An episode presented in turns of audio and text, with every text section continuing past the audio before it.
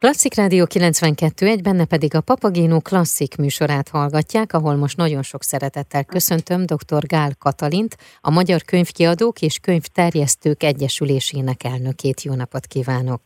Jó napot kívánok! A Magyar Könyvkiadók és Könyvterjesztők Egyesülése szeptember 28-a és október 1 -e között rendezi meg a 28. Budapesti Nemzetközi Könyvfesztivált, amelynek helyszíne a Millenáris lesz. A könyvfesztivál ugye a nemzetközi könyves világjegyzett eseménye, a térség meghatározó szakmai és kulturális fóruma.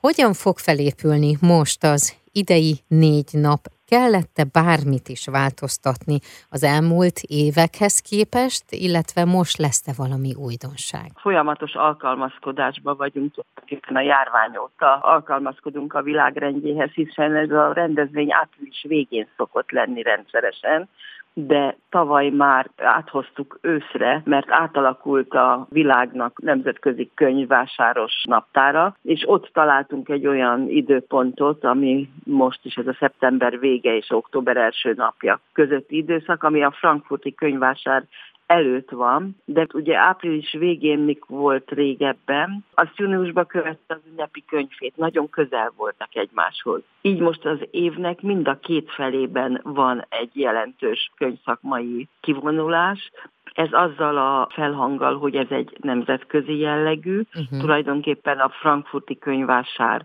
szatellitje, leánygyermeke 2023-ban a 94. ünnepi könyvhetünk volt, az meg júniusban van, ahol a magyar irodalom van a fókuszban. Az idei nemzetközi könyvfesztiválra 140 kiállító jelentkezett. 40 külföldi szerzőnk lesz és kiállítónk, 180 program a különböző termekben, és a 200-at meghaladó dedikálási lehetőség. A helyszín, visszakerültünk az úgynevezett főépület BCD helyére, de vagyunk a parkba is, és már tavaly, tavaly előtt is hagyományosan csatlakozik hozzánk a parkra nyíló Európa Pont intézménye és épülete, ahol például az európai írótalálkozókat tartjuk. Uh-huh. Péntek egész nap az európai írótalálkozók soráról és kerekasztaláról fog szólni. A megnyitás az csütörtök délután lesz, négy órakor, ez is hagyományos. Ami újszerű, de már annyira nem, mert tavaly már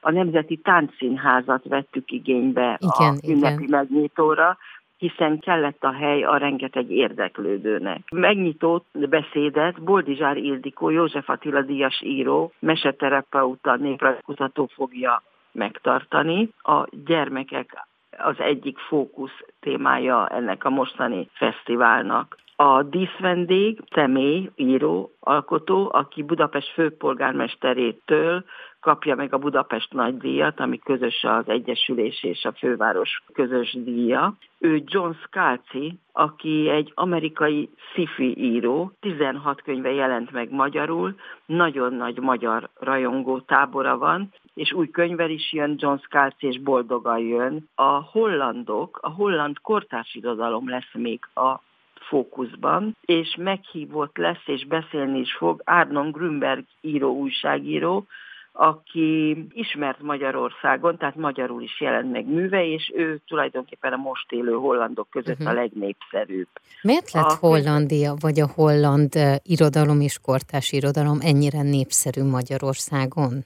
Már három évvel ezelőtt azon gondolkoztunk, hogy mi az, amit a holland irodalom hozhat a magyar olvasóknak. Mhm. Gyarmattart ország volt, ezért például a pszichéjüket, mostanában lelküket ennek a súlya nagyon nyomja, nagyon sok olyan megjelenés van, amiben megpróbálják feldolgozni ennek a lélektani traumáját, hogy ez milyen lelki vonatkozásai vannak ennek a tehernek. Uh-huh. A másik, hogy tabu témákat nagyon jól, nem direktbe, sok metaforikus vonulattal elemzik és írják le, átlagolvasó számára is érthetően és szépen megfogalmazva. Nagyon jó magyar fordítók vannak, akik uh-huh. hollandból fordítanak. A két legnagyobb néderlandiszik a tanszék az Eltén és a Károlyin, aznak vezetői és oktatói egy komoly diáksereget is összehoznak, akik folyamatosan foglalkoznak ezzel a témával, és ők is itt jelen lesznek ezen a rendezvényen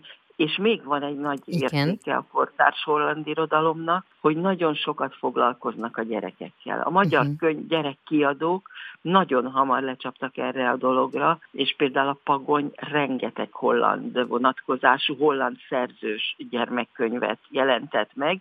Itt szintén olyan témák is előtérbe kerülnek, amiket magyarul igazán még megfelelően nem dolgoztak fel a kortárs magyar írók, de nagyon fontos ahhoz, hogy például akár lelkileg karban tartsuk, akár későbbi olvasásra inspiráljuk a magyar óvodás és kisiskolás gárdát. És ez a négy, három és fél napos rendezvény, legyen négy napos, ez egy teljességgel térítésmentesen látogatható, nincs kisbetűs rész, nincs uh-huh. olyan egyetlen program sem, ahol vásárolni kellene belépőt, hogy minél több pénz maradjon esetleg arra, hogy most így szeptember végén, október elején akár karácsonyra is tankolhassanak bizonyos könyveket a vásárlók, amit az is megkönnyít, hogy a kiadók ilyenkor közvetlen kapcsolatba kerülnek a vásárlóikkal, és nagy uh-huh. kedvezményes könyvvásárok is válhatók ebben az időpontban. Befogadó fesztiválként is működünk, mert immár második évben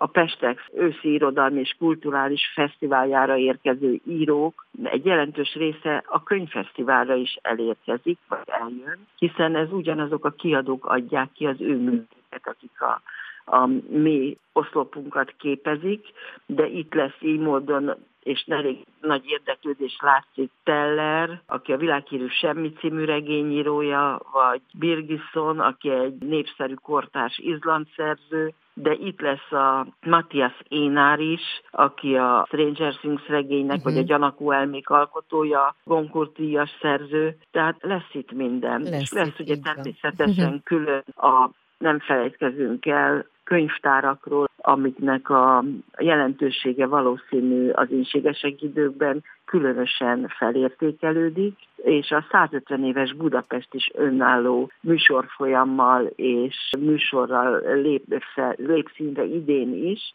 tehát a 150 éves Budapest és a könyvfőváros is egy befogadott része és komoly része ennek a nagy nemzetközi kivonulásnak.